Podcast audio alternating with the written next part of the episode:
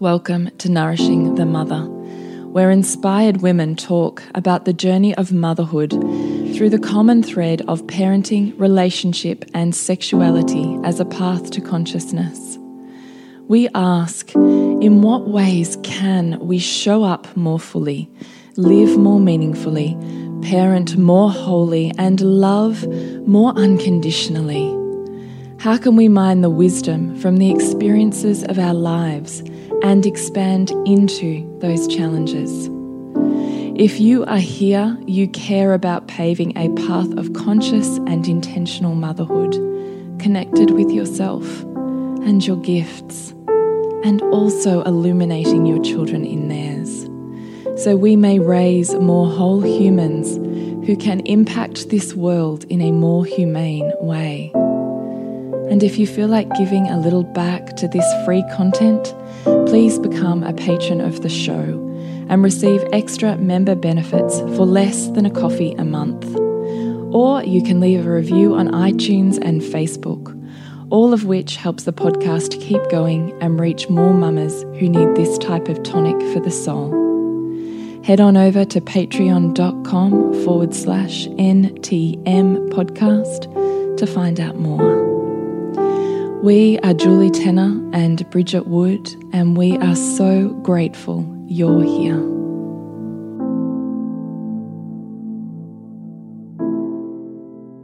Hello and welcome to Nourishing the Mother. I'm Bridget Wood.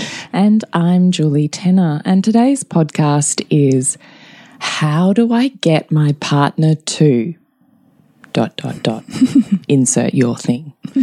Which has actually come up because we're in the middle of recording our deepen series through soul driven motherhood which you can get if you want to try out the soul driven motherhood for a dollar for the first month or you can purchase as a complete downloadable bundle. So you can check out links on our website or social media for that. But this is a question that came up a lot when we're discussing mm. relationship and particularly in the context of where you consider yourself the conscious aspect of a relationship and your partner perhaps less so. And you're kind of dragging the wet blanket along. So we do want to enter this conversation and you know which we touched on in deepen. Yeah. As we are sort of talking along we just recorded our first one the other night and we're about to jump on our second one after mm. we do this record. But we really think this is an important and interesting question that needs some flipping and some additional insights and information mm. from where you're at to where you're going. Totally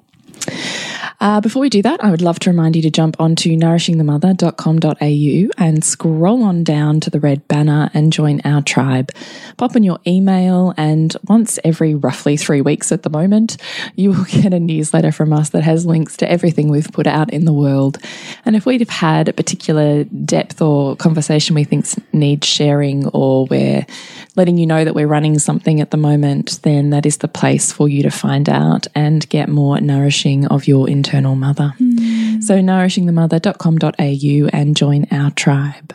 Yes. And we also want to say a big thank you to our latest Patreon, who is Shameen Warden. So thank you so much for hopping on and supporting the podcast because mm. you guys help us deliver this every week. And you know, you also get access if you if you're a Seek More patron to the live recordings of our podcast. So mm, we've got which people we do here. watching right now live, which is really cool. Yeah, um, you get to see all of our fumbles and faux pas and like we just had many before we started yes, recording we did, this. We did. And just get it all out first. yeah, yeah, yeah.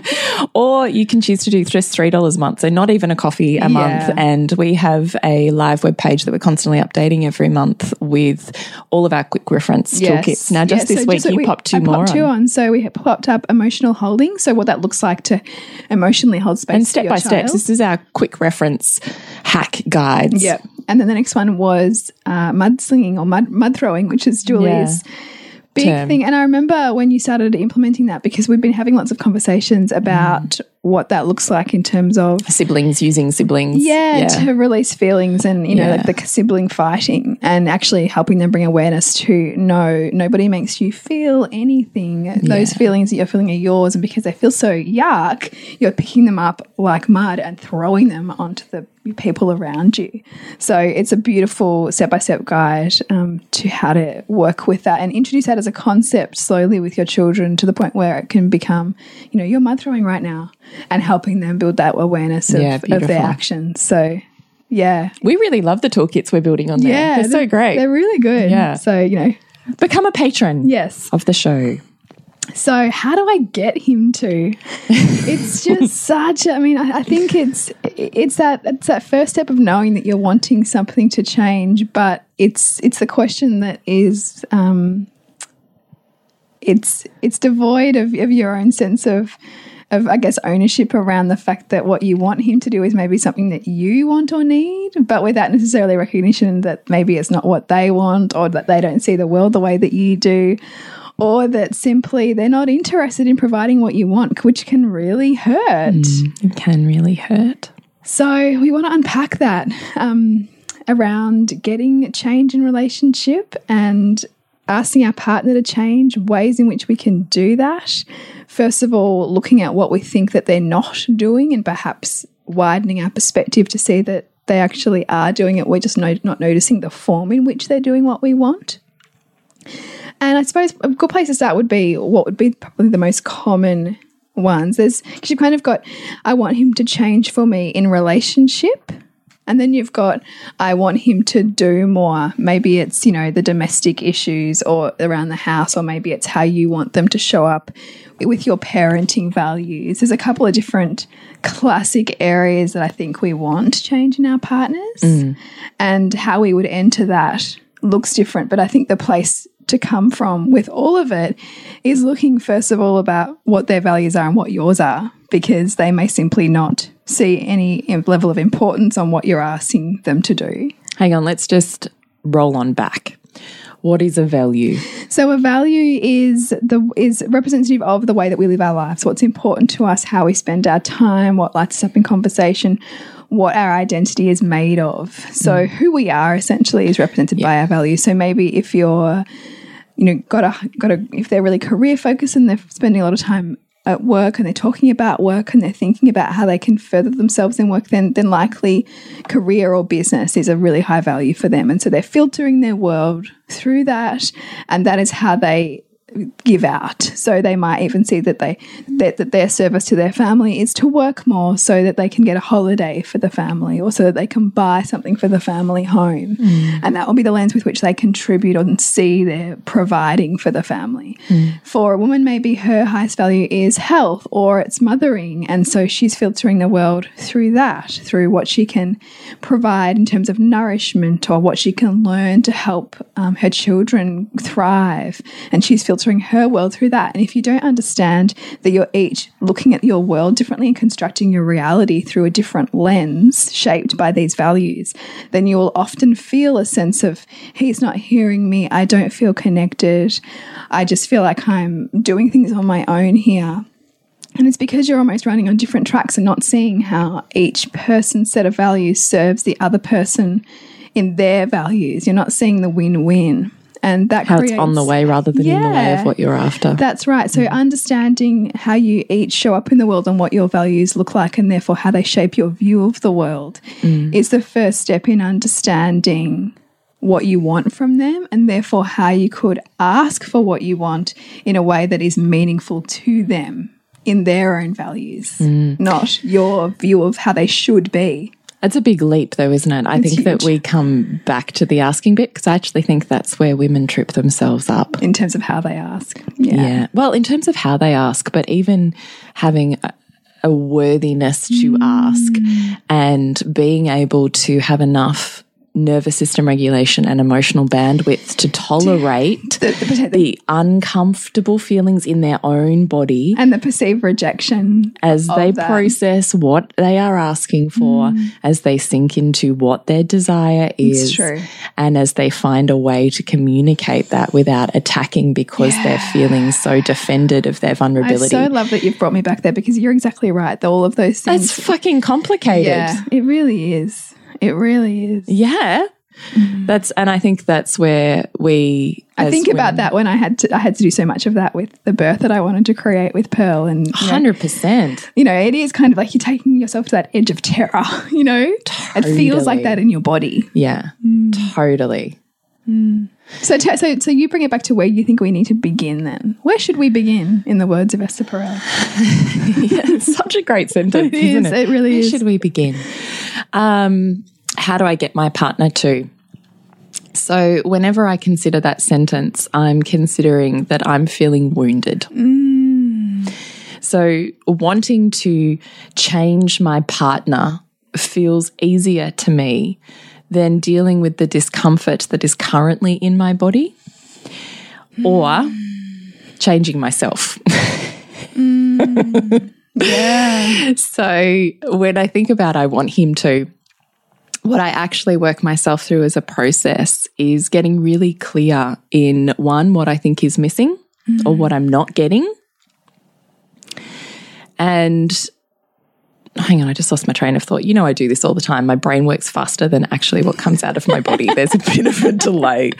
I'll come back to it. Let me let me just roll back there. So I'm thinking about what it is that I actually want. Mm. And what I think is missing, which is really interesting because we can so project a situation and in our body, it's just replaying the cycle of the same level of rejection or trauma that we've been cycling for our 30, 40, 50 years. So hurt love and it's, and it's so real for us that it feels like reality. Like and that it feels like that's just them and this is just you and there is no other yeah alternate dynamic here. Totally. And that we don't even recognize the fact that this same feeling of hurt or rejection has been in our body for that many years. Mm.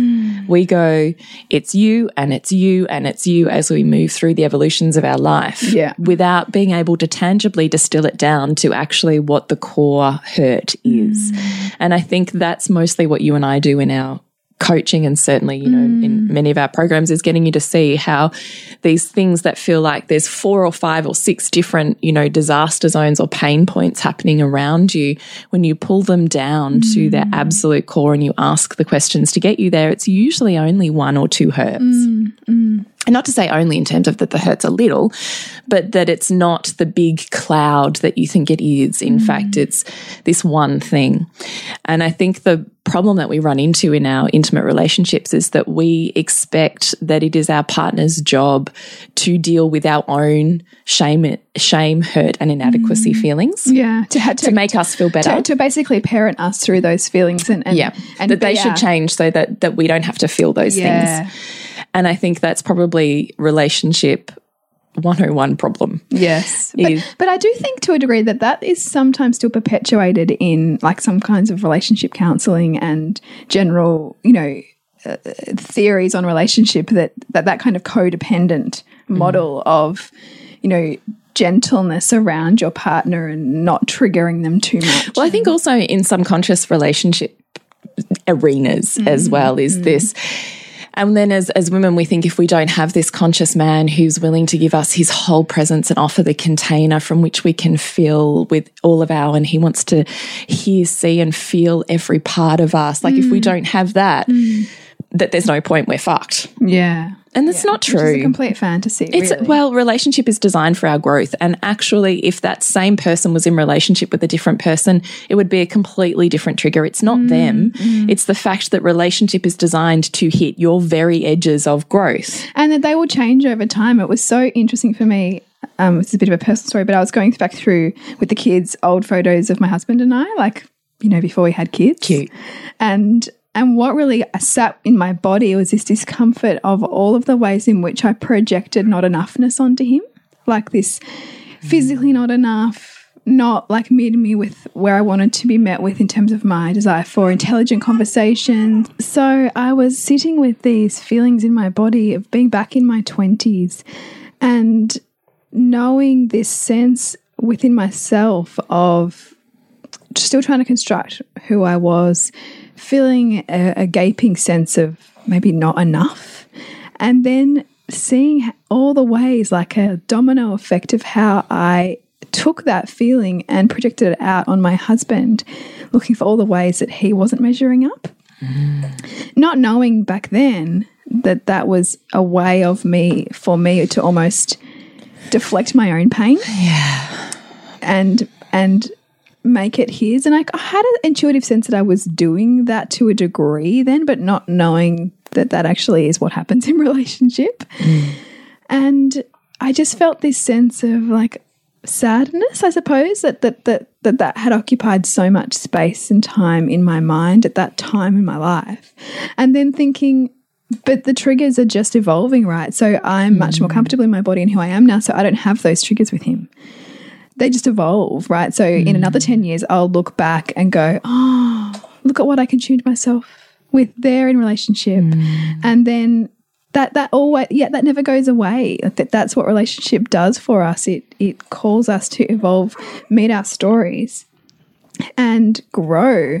But that growth looks like pain very often. But when we can see the patterns that keep showing up for us then we can start to go ah oh, and that links to my story on this about myself and what if i could enter that discomfort about them and ask what is it telling me about me? Mm. The mirror, right? It's really beautiful. I actually love that. I think that's made it really succinct. Mm. Mm. Oh, sorry, we've got. Oh, Pearl, oh, I love those noises. I know, aren't they sweet? They're the best. There's nothing like those noises. Mm. Newborn so, noises so in general. Fleeting. I know they to are. record them. We have. We've actually got podcasts in the, in the archive of um, Sylvie and Gwen doing the same yeah, thing, don't we? Yeah. yeah. It's crazy, actually, isn't it? Mm. Um, let's get back on track. Yes. Where were we? so, how do I get him to? Yes. Dealing with our own discomfort. Is that where we were on? Yeah. So, I kind of digressed from what you were talking about in terms of those feelings that we have to give that story. On. Ah, yes, yes, yes.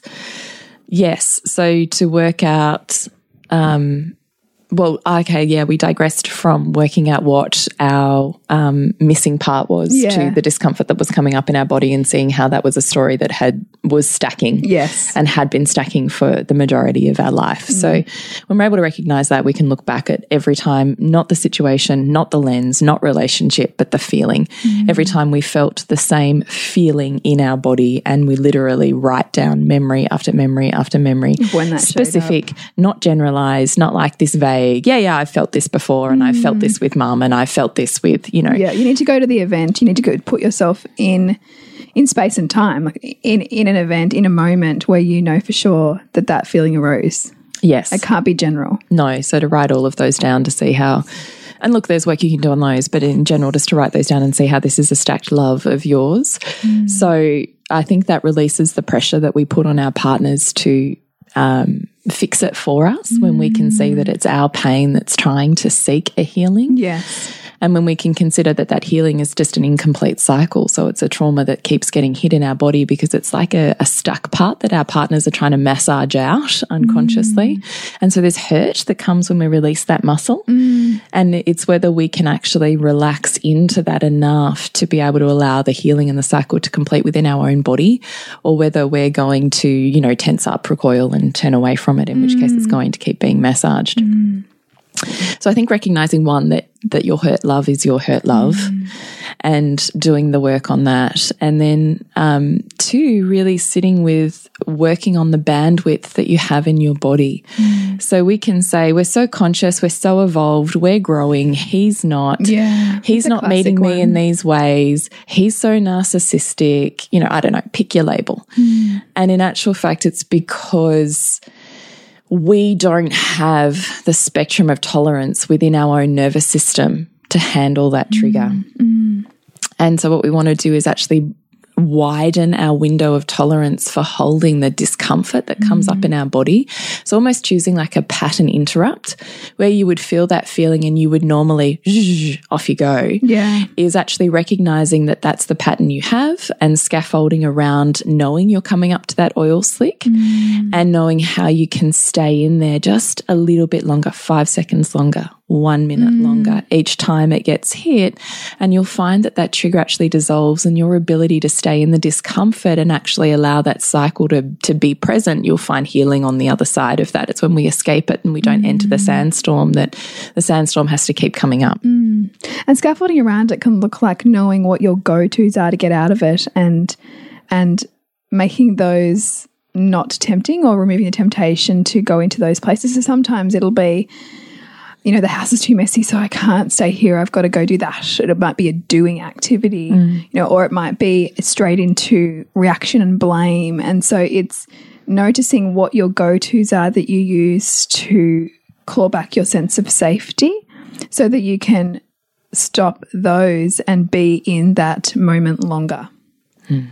So it might be, you know, giving yourself more time so mm. that you can have more safety in your body to meet this. If you've got a, you know, anxiety around, I don't have time for this or I've got to go do that. How do you set it up so that you can create more safety for yourself and your system to be there longer? And every time you'll have more opportunity to be there that little bit longer and mm. change that story. Yes, 100%. And then step three for me would be recognizing what the need is that's not being met or the, the thing that I think mm. is missing or that he's not giving me. And working really hard and creatively thinking outside of the box how I can give myself those things. Yeah because unmet needs turns into neediness, but those needs don't need to be met by someone else. Mm. And the more that we are needy and, you know, energetically or or otherwise Desperate, verbally, kind of. yeah, the more they recoil and push away from us, which yeah. they're designed to do because in actual fact, relationship, you need to have enough separateness that you're not codependent. Because yeah. when you merge into giving up pieces and parts of yourself and becoming more of the same person in the two of you, the more that a relationship dissolves, disintegrates, become the same person, person desire, leaves, you know, blah, blah, blah.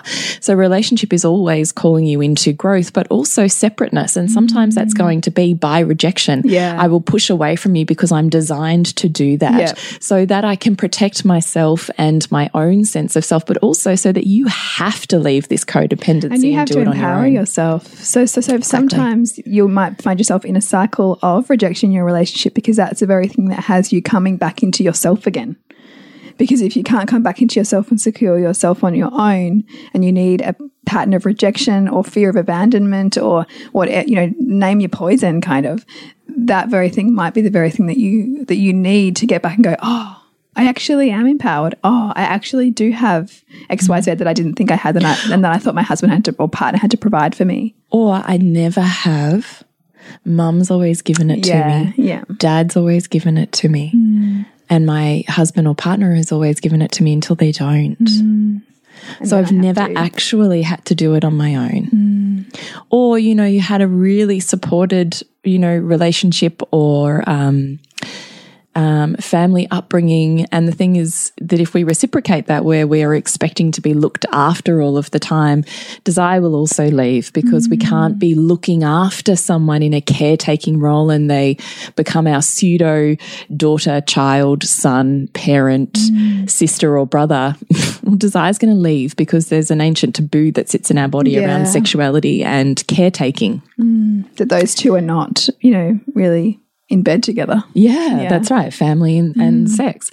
So it's interesting to consider the empowerment that you're being called in to do, to do for yourself that perhaps you've never actually been able to do. So, and no, go. I was also thinking about the broader family system. We touched on this, we were talking about this before we started recording. The fact that there's always a conservation of, of both infatuation and resentment in a family dynamic. So if you're feeling infatuated with your children, perhaps there's a story of resentment against your with your partner, and that those things often flip and change. Then you might find that you feel more connected to your partner when you're both like resenting and banging your head against a brick wall about your child, and so that brings you both together and it breaks the infatuation on the child. So those patterns are also at play at a deeper level within a family system.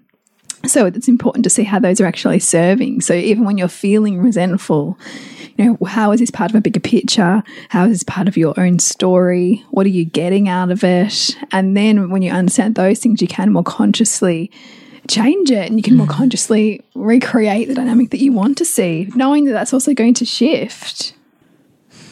So we both just paused as we gazed into the baby. Talk about infatuation. Yeah, exactly. Right. I know I'm building. I've got a big infatuation on it right now. yeah, I take it. Which is interesting, isn't it? Because I loved actually, you did a post on our social media about affairs. Yeah. And you were saying how a version of an affair is actually with a baby.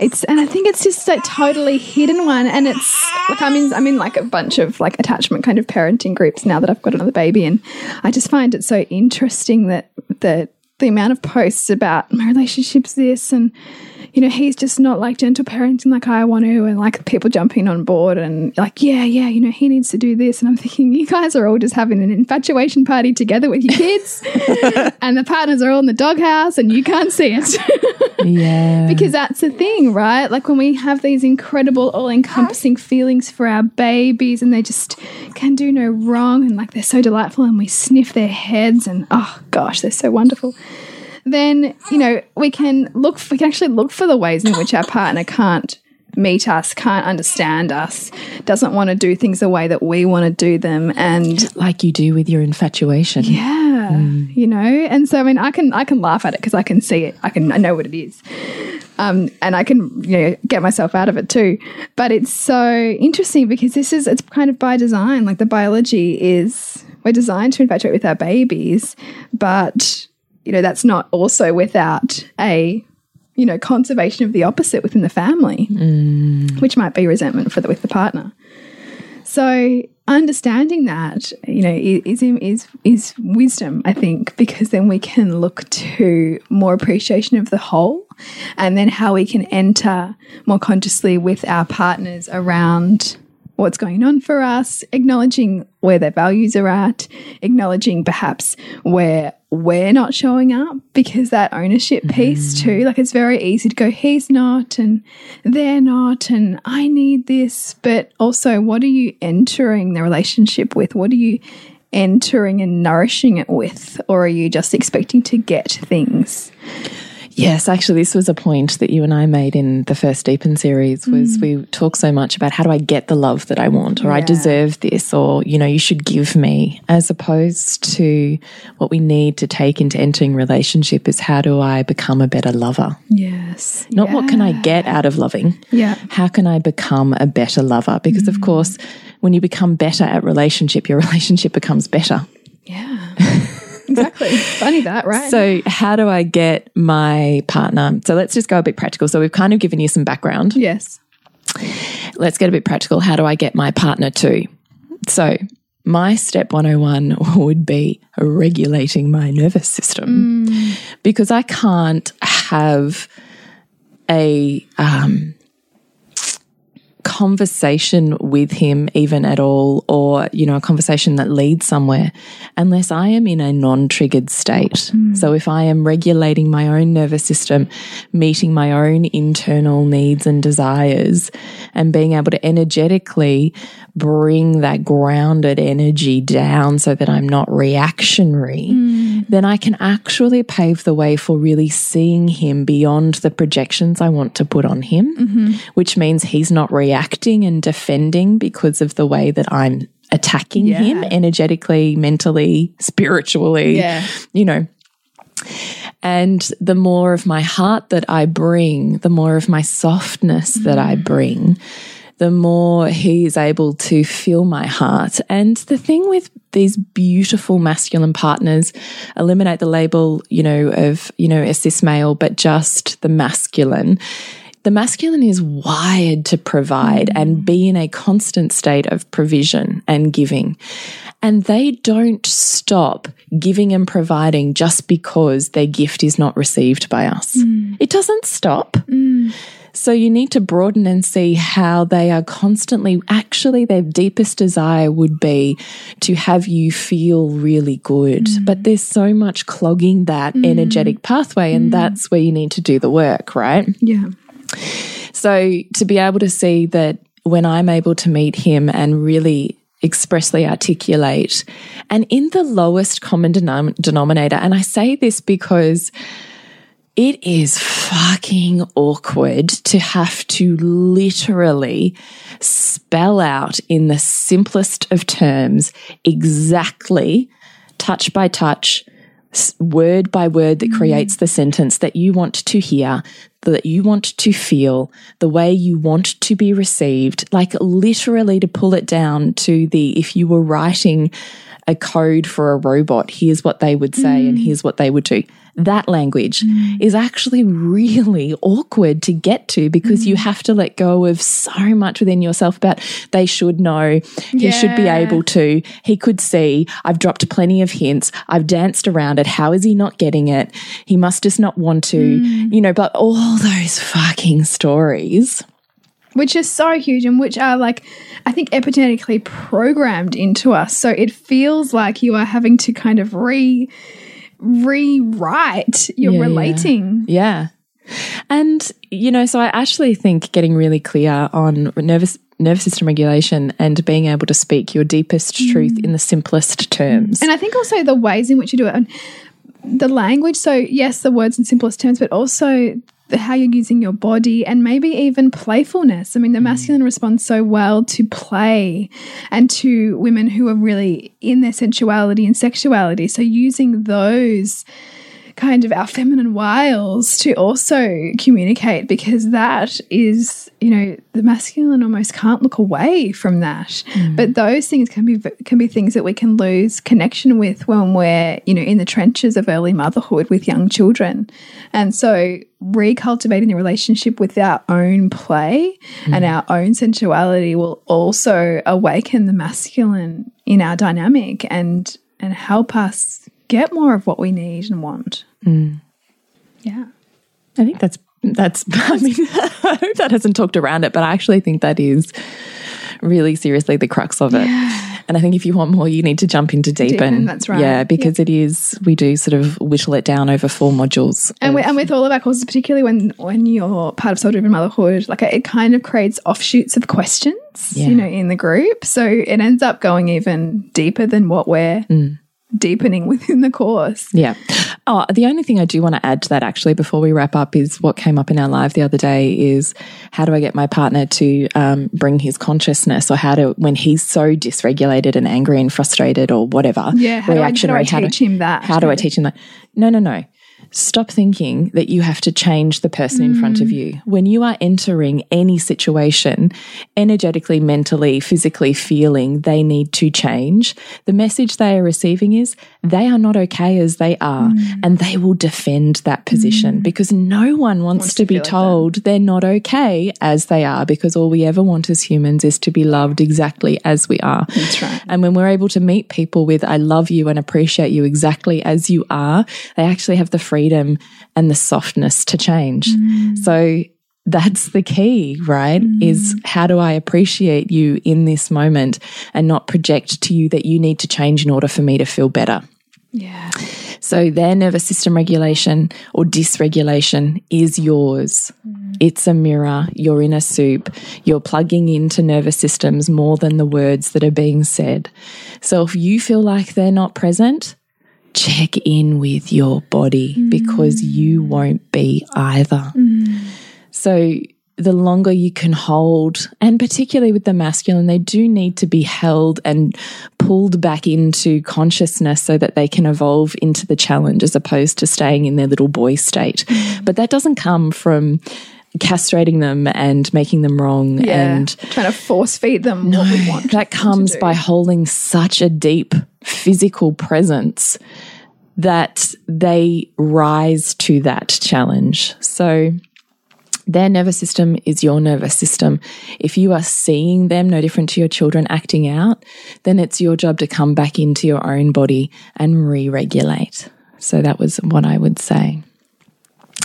So that's it. We would love you to ju jump into Deepen. Mm. So we are running those webinars across the next week. So check that out at nourishingthemother.com.au, Nourishing the Mother on Facebook or Instagram. And all of the links are in the bio on Instagram, and you'll see them in Facebook under the posts. Mm -hmm. So check those out. And if you are in there, we look forward to seeing you in yes. there and certainly deepening your capacity to be in relationship. It's a really, you know, wholehearted truth for us. Mm, yeah. And full of, full of a good dosing of pain, you know. but, oh, but it's almost absolutely. what makes it so compelling, I think, too. And the thing is, the work is never done. Yeah. Like, it's not like we're sitting here going, oh, we have these perfect relationships because you always evolve to the next yeah, pain point. Totally. Like, it's, it's never, it's never done, but no. it's definitely the toolkit with which we enter each and we find a deepening each mm, time. Mm. Therefore, a more conscious relationship, even though we don't necessarily have conscious partners. Yes. You yes. know, we you know, it's a really beautiful thing to mm. see them in their wholeness. Yeah. And appreciate them just as they are. Mm. To connect with you, Bridge. Suburbansandcastles.com and you, Jules? Is thepleasurenutritionist.com. Remember to nourish the woman to rock the family. And we'll see you next week with Baby Pearl when we continue to peel back the layers on your mothering journey. And if you want to support Nourishing the Mother and all the late nights, the early mornings, the blood, sweat, and tears we pour into our art, then please go to patreon.com forward slash NTM podcast and become our patron. As a patron, you're helping all of the cost of operating this podcast, the hosting, the editing, the transcription, helping all of that be completely covered, and joining a community who are all about honouring our journeys and continuing to open. The more support we have, the longer we can last. So become a patron. We'd love to have you. Go to patreon.com forward slash NTM podcast. We literally couldn't do this without you. Thank you so much for listening, and please share this podcast with anyone you think it would be medicine for.